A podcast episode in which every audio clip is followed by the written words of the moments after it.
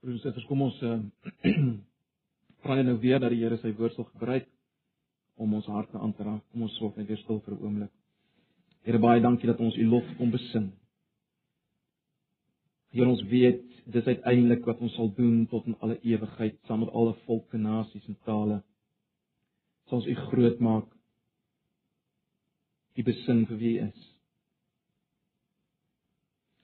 En nou wil ek vra Here dat U my sal help om die woord reg op te breek, dat U elkeen wat hier sit sal help om dit reg te hoor sodat ons juis beweeg sal word om U lof te besing. In 'n wêreld wat smag na U. Asseblief. Ons vra dit in U naam, Here Jesus. Amen. Nou broers en susters, ons is besig met die Johannes Evangelie en uh, dit het eintlik net so uitgewerk dat ons basies nou by die laaste hoofstukke gekom het, uh by die lydingstyd. Ons is klaar met Johannes 17, die gebed van die Here Jesus. Ek gaan nie nou dat ons spesifiek kyk na hoofstuk 18 nie, julle moet dit maar uh in in besonderhede behandel in die selgroepe. Gaan wel verwys na hoofstuk 18, maar kom ons beweeg nou na hoofstuk 19. Uh Johannes hoofstuk 19. Nou ons gaan die hele gedeelte lees, maar ek dink dit is goed om baie keer 'n groter gedeelte te lees. Kom ons lees Johannes 19 vanaf vers 16. En ek gaan maar vir julle lees uh uit die 83 vertaling so volg, belangrik om dinge raak te sien. Dis nou na die verhoor van Jesus nadat hy voor Pilatus was en dan lees ons in vers 16 toe het hy hom op hulle versoek oorgelewer, dis nou Pilatus om gekruisig te word en hulle het Jesus weggeneem. Jesus het self sy kruis gedra en uitgegaan na Pobeenplek toe soos dit genoem is in Hebreëus Golgotha. Daar het hulle hom gekruisig en saam met hom twee ander, een aan elke kant met Jesus in die middel. Pilatus het ook 'n opskrif geskryf en dit aan die kruis gesit. Daar uh, het geskrywe gestaan: Jesus van Nasaret, die koning van die Jode.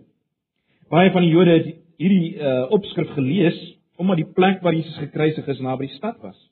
Die opskrif was in Hebreëus, Latyn en Grieks. Die priesterhoofde van die Jode het vir Pilatus gesê: "Moenie skrywe die koning van die Jode nie, maar skrywe hy het gesê ek is die koning van die Jode."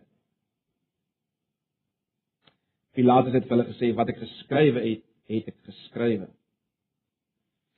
Toe die soldate Jesus dan gekruisig het, het hulle sy boklere gevat en dit in vier dele verdeel vir elke soldaat 'n deel. Hulle het ook sy onderkleed gevat. Dit was sonder naad van bo af in een stuk gewewe. Hulle sê te vir mekaar: "Ons moet dit nie skeer nie. Kom ons lood wie dit moet kry." Dit het gebeur sodat die skrif vervul kon word wat dit sê hulle het my klere onder mekaar verdeel en vir my kleed het hulle geloot. Dit is wat die soldate gedoen het.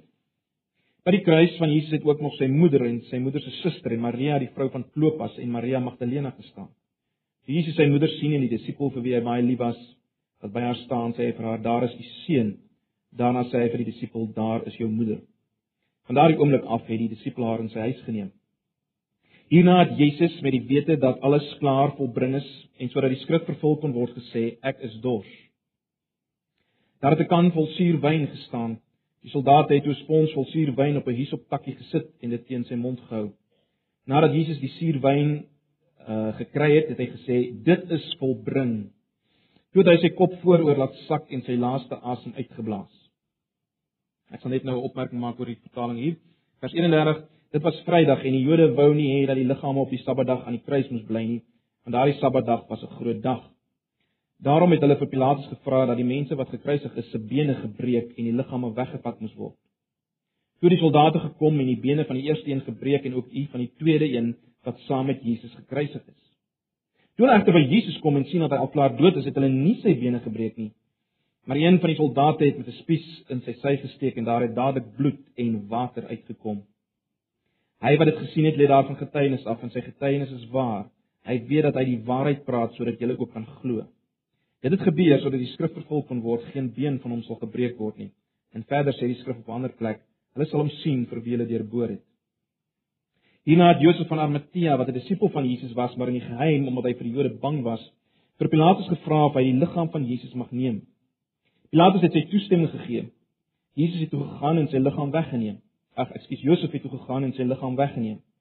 Nikodemus wat 'n keer in die nag na Jesus toe gekom het, het ook gekom en 'n mengsel van omtrent 5 liter mirre en alwyn gebring. Hulle het die liggaam van Jesus geneem en dit met die gegeurde met die geurolie behandel en in doeke toegedraai soos dit die gebruik van die Jode was om iemand vir die begrafnis uit te lê. By die plek waar Jesus gekruisig is, was daar 'n tuin en in die tuin 'n nuwe graf waarin daar nog niemand begrawe was nie. Daar het hulle Jesus begrawe omdat die Sabbatdag vir die Jode al amper aangebreek het en die graf daar naby was.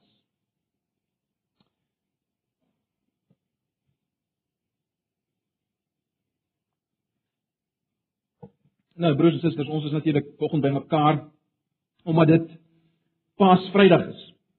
So moet ook soms Goeie Vrydag, hierdie hele naweek word genoem Paasnaweek. Nou, ek dink julle sal my saamstem dat uh die hou van Paasvrydag of om 'n diens te hou op uh, Paasvrydag is natuurlik 'n tradisie. Dit het 'n tradisie geword. Nou laat ek dadelik sê, 'n tradisie is nie uh per definisie iets wat verkeerd is of iets slegs nie, solank as wat ons onthou waarvoor hierdie saak ingestel is, waarvoor dit aanvanklik bedoel is. As ons dit onthou, dan het 'n tradisie geweldige betekenis. Wat is die aanvanklike rede vir vir die hou van hierdie dag? Om dit kort te stel, weet ek en jy wat beteken Paasvrydag? Nou, ek weet onmiddellik sal julle sê ag Jakobus kom nou. Ehm uh, ons weet ons ons leer vir ons kinders uh, dit gaan nie oor paaseiers en paashasse nie. Jesus is gekruisig.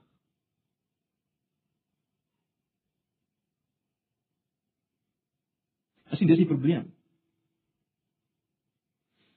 Ons antwoord op waaroor gaan Paasvrydag of wat beteken Paasvrydag is bloot dit. Jesus is gekruisig of hoogstens nog hy is vir ons sonde gekruisig. Maar jy sien dis onvoldoende broers en susters. Dis nie genoeg nie. Dis nie genoeg nie. Dis nie die volle betekenis van wat gebeur het op Paasvrydag nie. En en dit wys in ons lewens. Dit wys in ons lewens. Hoekom is dit nie genoeg nie? Wel, ons probeer dit so stel. Dink vir 'n oomblik waar kom die benaming Paasvrydag vandaan of Paasfees Die Paasfees kom uit, soos julle sal weet, uit die Ou Testament. Nou, as jy vir 'n Jood in die Ou Testament sal vra, wat beteken Paasfees? Die Paasfees of die Pasga, soos hulle dit genoem. As jy hom sou vra, sou hy verseker nie gesê het 'n Paaslam is vir ons geslag. Wat sou hy gesê? Hy sou gesê, luister. Ons was slawe in Egipte. Ons was so goed as dood. Maar God het ons bevry. God het ons nie getref met die dood toe hy deur beweeg het deur Egipte nie. Hy het ons gered deur 'n paaslam wat in ons plek geslag is en en wie se bloed aan ons deurkosyne gesmeer is. En nou lewe ons. Ons is nou God se volk. Ons gaan 'n nuwe land beerwe. Ons lewe. Dis wat hy sê sê. Maar nog meer.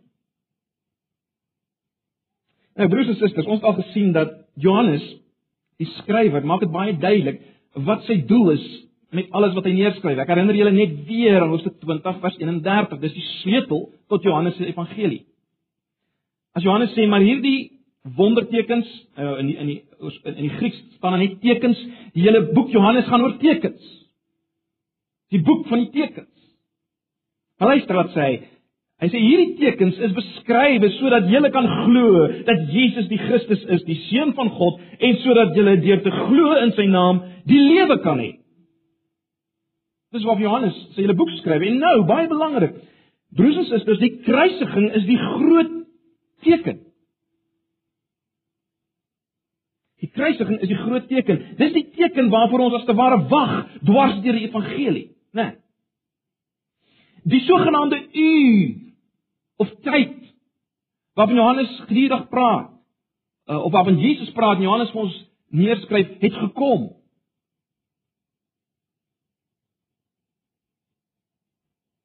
Elke ander teken wat gebeur het in hierdie evangelie wat Johannes beskryf het, het gewag vir ware betekenis, né? Nee.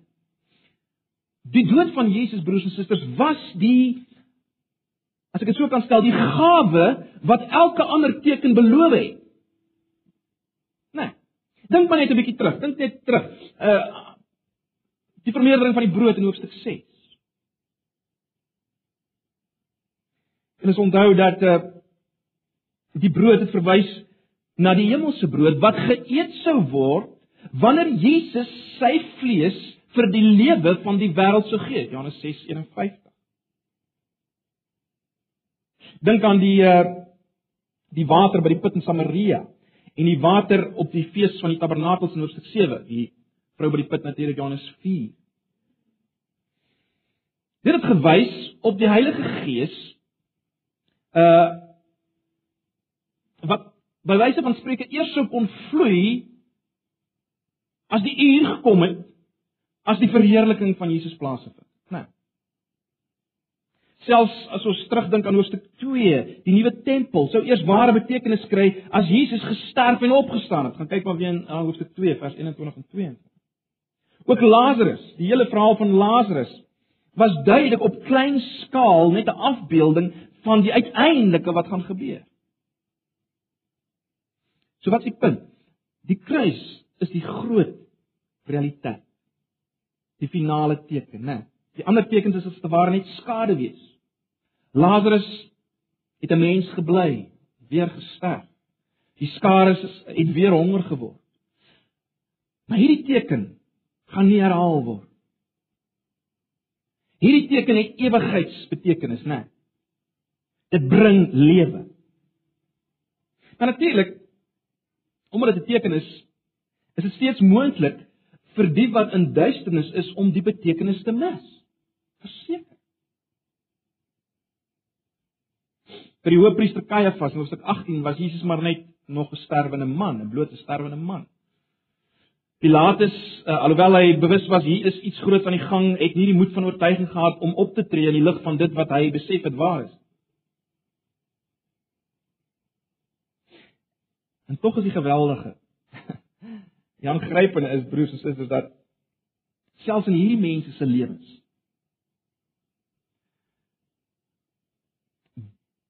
veg hierdie teken as ek dit so kan stel as 'n ware pad oop. Selfs in hulle lewens. Kajafas sonder dat hy dit weet, profeteer dat Jesus plaasvervangend vir die volk sal sterf in Hoofstuk 11 vers 50.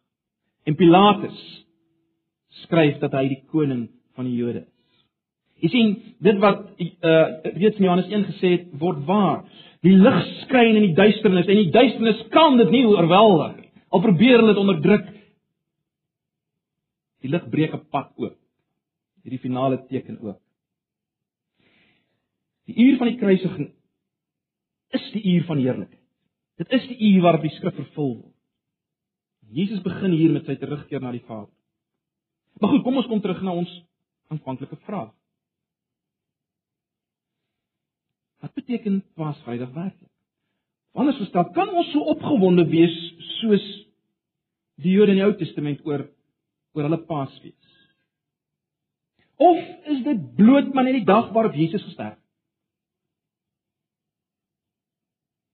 Daar ver lank terug, die dag waarop Jesus gesterf het. En ek wil hê ons moet vier dinge kortliks hier uitlig. Nou hier baie meer. Dit is so ryk hierdie hierdie laaste gedeelte. Julle weet ons al uit verskillende hoeke na ook na die kruisiging gekyk uit 'n fisiese oogpunt en so meer. Ek wil net vier dinge vanoggend uitlig en en ek uit dit wat Johannes hier vir ons skrywe. En onthou nou waarvoor hy skrywe. Sodat ons gaan lewe. En my gebed is werklik dat ons dit opnuut sal raak sien broers en susters en en dat ons antwoord oor wat Paasvrydag beteken, met ander woorde anders sal lyk. Dat ons anders sal voel omdat ons iets anders sal bedoel as ons hieroor praat. Net vier goed. Die eerste plek, Jesus is die plaasvervangende paasoffer. Die eerste ding wat ek net vinnig wil na kyk, tweedens, Jesus is die of of ek sou stel, Jesus is is koning in sy offer. Derde plek, Jesus die paaslam stel die Heilige Gees vry. En dan laastens wil ek net hê ons moet kyk baie vinnig na die feit dat Paasvrydag is absolute voltooiing. Ons kyk net na hierdie vier dinge. So eerstens, Jesus is die plaasvervangende paasoffer. nou ons het nie nou hier gelees nie, maar as ons kyk na hoofstuk 13 vers 1, dan maak Johannes dit baie duidelik dat hierdie lydingsgebeure van Jesus vind plaas tydens die Paasfees. Kyk maar na hoofstuk 13 vers 1. Baie belangrik, dis die sleutel. Hierdie dinge vind plaas tydens die Paasfees van die Jode. Nou alhoewel Jesus reeds die die die maaltyd die vorige aand geëet het en die lammers reeds geslag is uh, in Jerusalem wil Johannes onmiskenbaar hê dat ons Jesus moet sien as die paaslam. As die een wat 'n 'n offer bring soos die paaslam. Ons sien dit byvoorbeeld uit uit klein besonderhede soos die feit dat dat Jesus se bene nie gebreek is nie. Johannes maak spesifiek daarvan melding. Hoekom? Want die paaslam moes sonder gebrek wees, geen gebreekte bene hê. Geen lam verloop sou uh, in die tempel kon kom as offer as die lam gebreekte bene gehad het.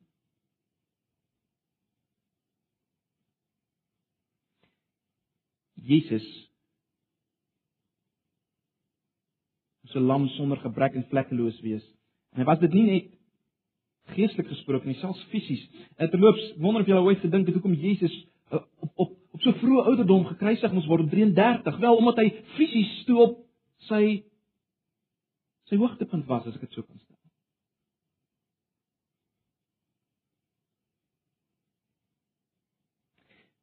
Maar nou baie interessant ook. Mens kan dit baie maklik mis. Dis baie interessant dat die die verhaal van Isak. Ken almal verhaal van Isak? Uh hierdie tyd van die jaar, tydens die Paasfees, is hierdie verhaal gekoester. Dis oor vertel, daar's was daaroor gepraat want uh Isak se offer is gedateer op op die 15de 15de van die maand Nisan en dis die dis die datum van die Paasfees. En nou is dit interessant uh, dat Johannes lê klem daarop en ons het dit gelees in vers 7 dat Jesus self sy kruis gedra het. Soos Isak natuurlik self sy offerhout gedra het. Lees in Johannes 3 vers 16 word Jesus genoem die enigste seun soos Isak die enigste seun was, die geliefde van sy vader.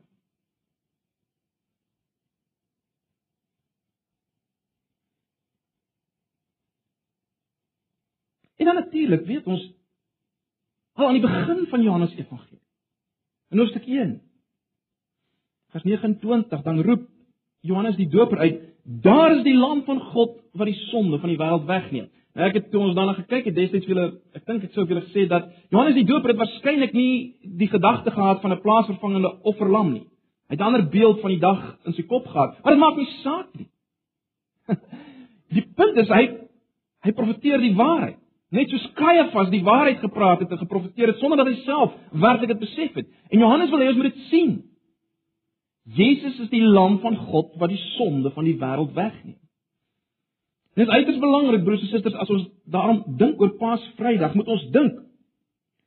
Dit wat gebeur het daar is soortgelyk aan dit wat gebeur het in die Ou Testament. Toe die mense die die lam moes slag en sy bloed moes speer aan die kusyne En net as as God die bloed sien, sou hulle bly lewe en nie sterf. Dis die enigste manier hoe hulle lewe kan wees. As die plaasvervangende lam in jou plek geslag is. Was geen ander manier nie. Gemaak net wat jy wou.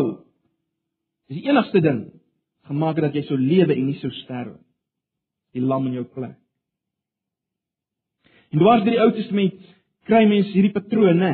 Die plaasvervangende offer waarop die priester se hande lê as teken dat lewe word oorgedra op hierdie lam. En as die lam geslag word en ek bly leef, dit was 'n teken daarvan dat God het die hierdie oordrag aanvaar. Ek leef en die lam sterf. Dis wat dis wat afgebeeld is in die offers. Was geweldig. Dis hoekom dit so geweldig was as die hoofpriester op die groot versoeningsdag lewend uitgekom het. God het dit aanvaar. Hy leef. Lam het gesterf. Dis wat Johannes lees met raaksie.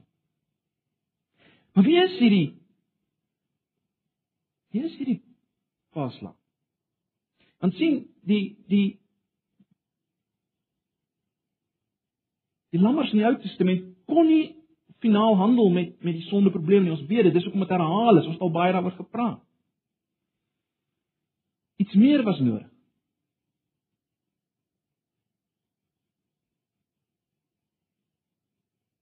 Iemand meer was nodig.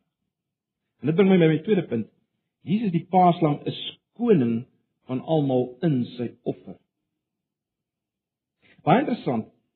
Ons het reeds in Johannes Evangelie gesien dat Jesus oor sy dood praat as sy verhoging.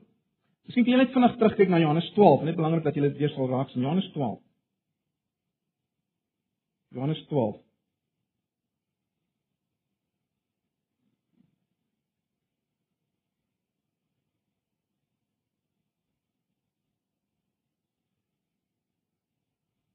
In vers 32 van Johannes 12.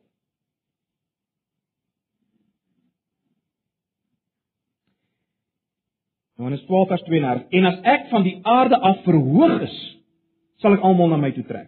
En nou, nou gee vers 33 die verduideliking. Wat is hierdie verhoging? Vers 33. Dit het hy gesê en daarmee ook aangedui op watter manier hy sou sterwe. sien julle dit? Jesus se sterwe is sy verhoging sy verhoging. Baie interessant reeds by by Jesus se verhoor, jy het teruggaan na Hoofstuk 18 sal jy lees van die persmantel wat om Jesus gegooi is, uh die koningsklere, 'n doringkroon is op sy kop gesit. Hulle het dit natuurlik spottenderwys gedoen, maar die geweldige is dis wie hy is.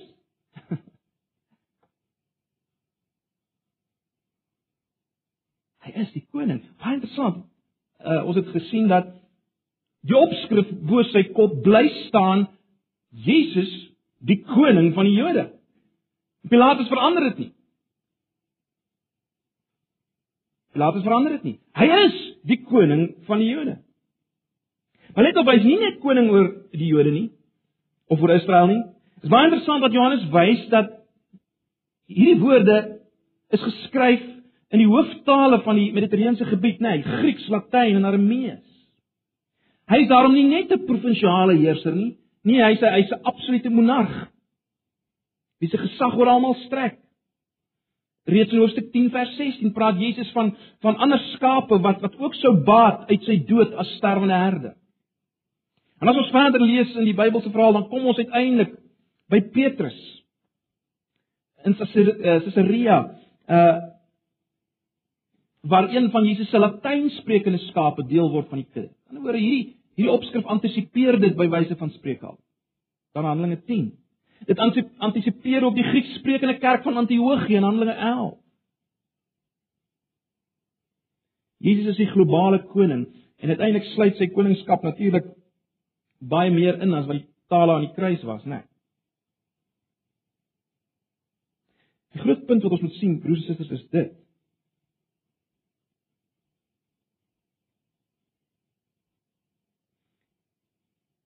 Die kruisiging self is reeds sy koningskap. Sy aanduiding is 'n teken van sy koningskap. As mens verder gaan, jy kyk na sy begrafnis. As hy 'n koning is, moet hy 'n koninklike begrafnis hê en ook dit word implisiet aangedui hier. Uh Jesus sterf as 'n misdadiger aan die kruis, né? Nee. Hierdie ouens wat so gesterf het, se lyke is in 'n in 'n gesamentlike graf gegooi. Maar Josef van Arimatea vra die liggaam van Jesus. Josef van Arimatea word ons beskryf as 'n ryk man in die ander evangelies. Hy het sy eie graf gehad. Blykbaar was dit ook nie so goedkoop om hierdie tipe grafte te kry nie. Die punt is Josef van Arimatea vra sy liggaam. En uiteindelik ook Nikodemus waarvan ons in Hoofstuk 3 lees, interessant, dit lyk tog of Nikodemus die lig gesien het. Nikodemus behandel Jesus met ontset met 'n ontsettende hoeveelheid krye. Johannes lê klem op die hoeveelheid daarvan, die gewig daarvan. Dat dit was soortgelyk aan aan dit wat koning Herodes gebruik het uiteindelik. In ander woorde, hier's aanduidinge dat dat hy begrawe word as 'n koning. Verdermeer eh, word 'n melding gemaak dat die graf in 'n in 'n in 'n tuin was. Dis tipies van konings. Die konings van Israel is in 'n tuin begrawe. Konings van Israel is in 'n tuin begrawe. Dit was 'n nuwe graf van die tuin. Sien die punt is die een wat sterf is die koning. En dit bevestig natuurlik dat hy God self is, die koning van alle konings. Hy's nie 'n onafhanklike, ek het al baie gesê. Hy's nie 'n onafhanklike derde party wat maar net hier tussenin kom. Tussen God en mens nie. Hy's God self wat mens geword het, die koning van alle konings. Jy sien, dit is nie maar net Jesus het vir ons gesterf van die kruis nie. Nee, God het iets geweldigs gedoen. Paasvrydag. Die koning van alle konings het iets geweldigs gedoen. Hierdie feit van sy koningskap in sy dood, broers en susters, is natuurlik die aanloop in hoofstuk 18. In hoofstuk 18 maak Jesus dit baie duidelik. In vers 36, as hy sê my koninkryk is nie van hierdie wêreld nie. As my koninkryk van hierdie wêreld was, sou my onderdane geveg het sodat ek nie aan die Jode uitgelewer word nie. Maar nou is my koninkryk nie van hier nie. En dan maak Jesus die volgende uitspraak in vers 11 van hoofstuk 18. Hy sê vir Pilatus in vers 11 van hoofstuk 18. Uh ekskuus, hoofstuk 19 al. Presies, hoofstuk 11 van hoofstuk 19. U sou geen mag teen my hê as dit u nie van bo gegee was nie. U sou geen mag oor my hê as dit nie van bo vir u gegee is nie. Onthou julle hoofstuk 10 vers 18 sê Jesus: Niemand neem my lewe van my af nie. Ek lê my lewe uit myself uit af. Ek het mag om dit af te lê, ek het mag om dit op te neem. Niemand neem dit van my af. So broers en susters, baie belangrik. Jesus is nie net 'n koning wat nou daar dood is nie. Hy's in sy dood koning. Hy heers daar. Daar heers hy. Dis sy heerskappy, want hy is 'n ander koninkryk. Daar het hy oorwin. Daar het hy sy mag tentoongestel. Daar het sy mag tentoongestel. Daar is hy in beheer. Dit is die tweede ding wat ons moet sien. Die derde ding wat ons hier moet sien is dit. Jesus die Paaslam stel die Heilige Gees vry deur sy sterwe.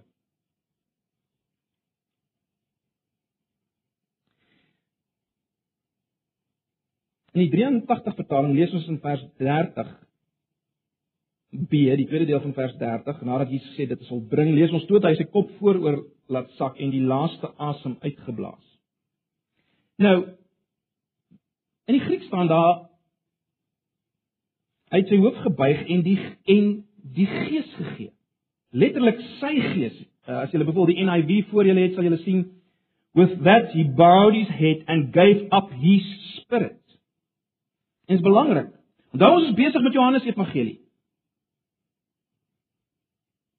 Ons is besig met Johannes Evangelie, boek van tekens. En dan is dit belangrik om dit so te hou, want letterlik staan daar dat Jesus sy gees oorhandig het. Hy het sy gees oorhandig. So hou dit in gedagte.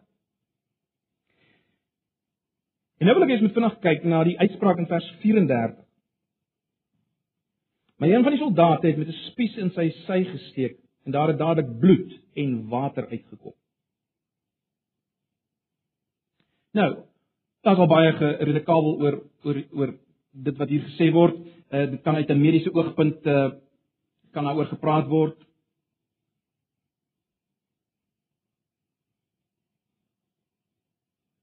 Maar sien ons is besig met Johannes Evangelie. Die boek van tekens. Maar daar altyd iets meer is. Nou is dit toevallig dat Johannes dit opteken. Want die water wat uit Jesus se sy vloei hier. Laat 'n mens onmiddellik dink aan hoofstuk 7 vers 37 tot 39 waar Jesus by die by die by die fees van die tabernakels beloof dat water uit hom sal vloei. En dis wat Johannes wil hê ons moet sien. Terloops, dwars deur die evangelie van Johannes, julle sou dit raak gesien het. Dwars deur die evangelie van Johannes word water geassosieer met die gawe van die Gees. In Johannes 1 word Jesus se waterdoop vergesel deur die salwing die, um, uh, met die salwing deur die Gees. In sy gesprek met Nikodemus vorm water en gees 'n eenheid. Julle sal onthou, water en gees is 'n eenheid in sy gesprek met Nikodemus. In hoofstuk 4 bied Jesus die lewende water vir 'n Samaritaanse vrou en dan later leer ons wat hierdie lewende water is. Dit versimboliseer die Gees, Johannes 7. By die fees van die tabernakels. Praat Jesus van die lewende water en daar maak hy dit eksplisiet. Hy praat van die Heilige Gees wat sou kom. So dwars deur hierdie boek word water geassosieer met hierdie messiaanse gawe as jy wil van die Gees. Wanneer Jesus opgelig sou word, wanneer die uur sou kom, net soos jy wil stel. Dit sal weet in hoofstuk 16 maak Jesus dit baie eksplisiet. Dis tot julle voordeel as ek weggaan, want anders sal die Gees nie kom. Die een net soos ek, die trooster soos ek. So die koms van die Gees is afhanklik van die vertrek van Jesus. Wat ons ook reeds gesien het in Johannes Evangelie hoofstuk 14 tot 16 is dat Jesus en die Gees is absoluut een. Die Gees is Jesus, dit is Jesus se Gees. Nee, ons het baie duidelik gesien.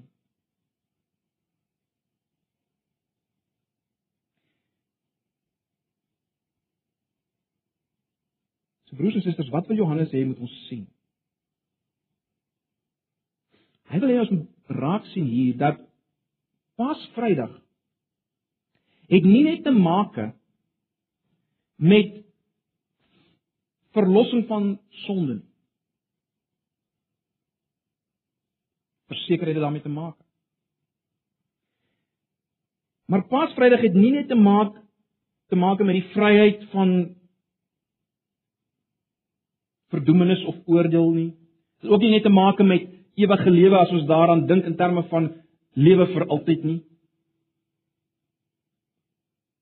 Wat Johannes wil hê ons moet raak sien as hy as hy dit hier skrywe in eenheid met die kruisiging is dit. Hy wil hê ons moet sien dat wat wat Paasvrydag gebeur het, het te maak met die gee van lewe vir ons. Die lewe wat Jesus self gehad het. Jesus self word gegee. Sy gees hy self met ons. Dis wat gebeur by die kruisiging. Natuurlik later gebeur dit sigbaar by die uitstorting van die Gees op Pinksterdag, maar hier by Johannes sê ons moet die verbintenis sien tussen die kruisiging en die Gees. Jy kan nie twee nie losmaak nie. Jy kan nie praat van die kruis sonder die feit van die Gees en die lewe wat die Gees bring in ons nie. Die lewe wat meer is as die lewe wat die mense in die Ou Testament gekry het as gevolg van die Paasgebeure. Ons kry Jesus self. Dis die betekenis van Paasvrydag. Ons kry Jesus self wat in ons kom woon. Die kruisiging stel by wyse van spreuke sy gees vry vir ons om in ons te woon, vir ons lewe te gee, die lewe wat hy gehad het, die lewe van in verhouding wees met God, die lewe van in verhouding wees met mekaar. Dis wat ons kry. Dis wat die kruisiging doen. So die kruis en die gees is onafskeidbaar. Sommige ouens maak net baie van die gees en sommige ouens maak net baie van die kruis. Die twee moet saamgaan. Ek kom by my laaste punt. Paasvrydag is dus absolute voltooiing. En susters, in die lig van wat ons nou gesien het, in lig van wat ons nou gesien het, kan ons weet dat as Jesus uitroep, dit is volbring, tetelestai dan beteken dit meer as Jesus het gesterf.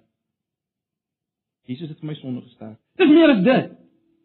Absolute voltooiing, absolute afhandeling van wat? Van die groot taak waarvoor Jesus gekom het, naamlik om lewe te verkry vir sy mense. En dit is nie net 'n moontlikheid nie. As ons ons kan bring nie. Nee, dis tetelestai, dis volbring, die werk wat die Vader hom gegee het. En dan sal sien dwars deur die gedeelte, uh word daar gesê dit het gebeur sodat die skrif vervul kon word. Al die afbeeldinge, al die dinge van die Ou Testament vind vervulling. Al die beloftes in Jesus se sterwe. Al die lewe waarvan daar afbeeldings was in die Ou Testament. Dis nou verkry. Dit is volbring.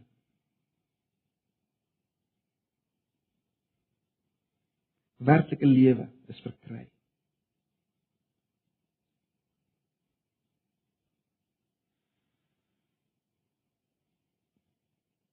as ons heeltyd sien na staan, dis dit het gebeur sodat die skrif vervul kan word.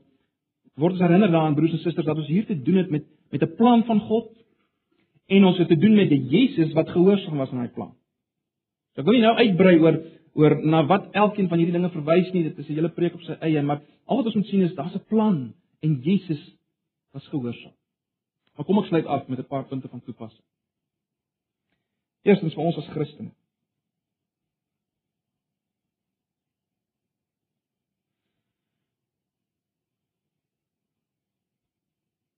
Ons wat wat deel het aan dit wat hier gebeur. Omdat ons deur geloof dit omhels het. By wyse van spreuke is die bloed so aan aan ons kusyne gesmeer om die beeld te gebruik van die Paasfees. Wat sê hierdie gedeelte vir ons?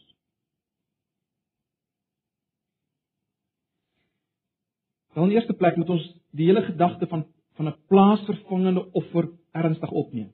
Wat bedoel ek daarmee broers en susters? Moenie gedurig weer probeer om offers te bring wat jy dink jou aanvaarbaar maak vir God mos jou tyd, dit is sinneloos. Jy is aanvaarbaar vir God vir grond van hierdie offer. Dit is die finale offer. Dit is volbring. Die werk is klaar. Jy hoef nie elke nou en dan weer te verseker dat jy nou weer by God aanvaarbaar is nie. Nee, dis klaar, dis volbring. Jesus het die werk gedoen. Jy moet dit aanvaar. Jy moet rus in die werk. Moenie jouself jou jou dingetjies probeer doen nie. So belangrik. Jy kan nie eendag in wees en eendag uit nie, broers en susters. Ons moet dit onthou. Ons weet dit, maar ons val almal nog weer in daai slaggat. Ooh, vandag het ek nie uitgekom in my stilte tyd nie. God is seker nie gelukkig met my nie, maar môre gaan ek 3 uur langer stilte tyd hou, dan gaan hy weer gelukkig wees met my. Nee. Al wat God gelukkig maak, is dit wat Jesus gedoen het in jou plek. Dis wat jou aanvaarbaar maak vir God. Dink jy regtig? Jou geldjie wat jy gee, jou tydjies wat jy gee, beïndruk God. Net een, Jesus die koning. Plaasvervangende paaslam. Onthou. Tweedens. Onthou dat deur sy sterwe hy self in jou woon. Glo dit. Leef jy in die lig daarvan? Jesus in my. Hy's bewus van my optrede, my gedagtes, my gesindhede. Hy's daar, hy sien dit, hy weet dit. Maar hy's by my ook in die gevaar en die swaar kry. Jesus in my. En dan derdens baie belangrik. As Jesus koning was in sy kruisiging, hoeveel te meer, broers en susters, is hy koning in jou swaarkry en jou lyding?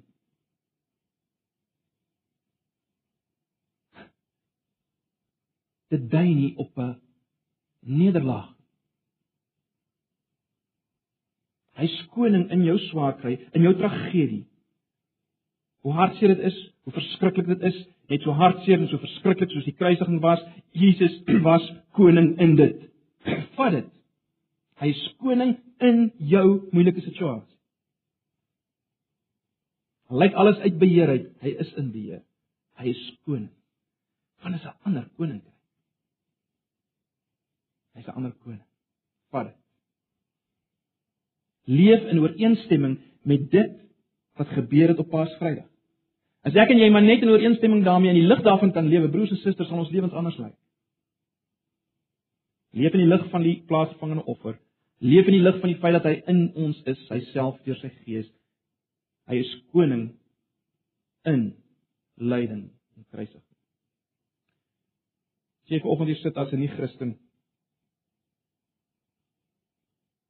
God jy moet verhoor, dit is volbring. Dit is volbring.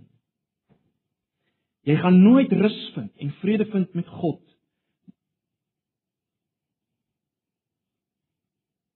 Deur die nakom van Christelike rituele gebede, bydraes wat dit mag wees nie. Jy sal nooit rus vind. Jy moet hoor dit is volbring. Jy moet kom by die punt wat jy oorgee en dit aanvaar en dit vat. dit erken. Jesus op sy woord neem. Wat is geloof? Geloof is as ek iemand vat op sy woord. Vat hom op sy woord dat hy sê dit is volbring. Dit is volbring.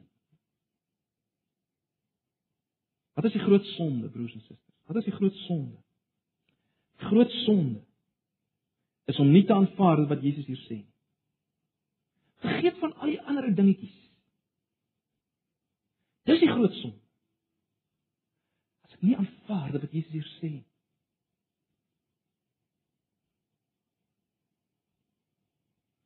As ek nie aanvaar wat Jesus hier sê nie, broers en susters, om dit om dit baie duidelik te stel.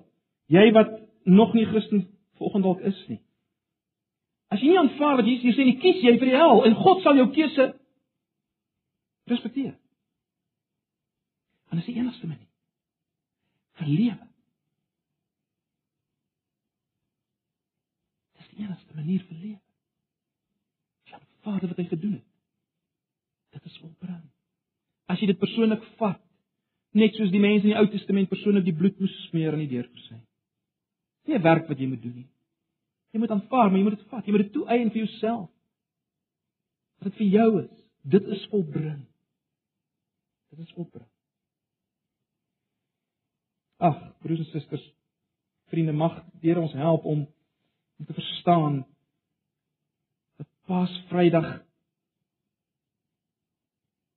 nie maar net gaan oor Jesus wat gesterf het nie. En nog minder is dit 'n tragedie. Dis die grootste triomf ooit. Grootste oorwinning ooit. Mag ons begin lewe in die lig van van wat werklik gebeur het op Paasvrydag. Wat Johannes wil hê ons moet hier sien. Mag die Here ons daarmee help. En hy sal. Want hy is by ons en hy is in ons. Hierdie selfe Jesus. Amen. Kom ons bid. Here Jesus baie dankie. Dankie vir u self. Dankie vir u plaasvervangende dood in ons plek. Ons eer u daarvoor. Ek bid as jy enig een vanoggend sit, Here, wat u nog nie omhels het nie. Gebuig het voor u nie. Ag Here dat deur die woord en deur die werking van die Gees vanoggend hulle sal trek op 'n manier wat ons verstand te bowe gaan. Asseblief, want u is 'n koning. 'n Koning van 'n ander koninkryk. U werk anders. U is groter as wat ons ooit kan dink. Hoor ons gebed as ons dit van U vra. Ons bid dit in die naam van Jesus. Amen. Ons sluit af met die laaste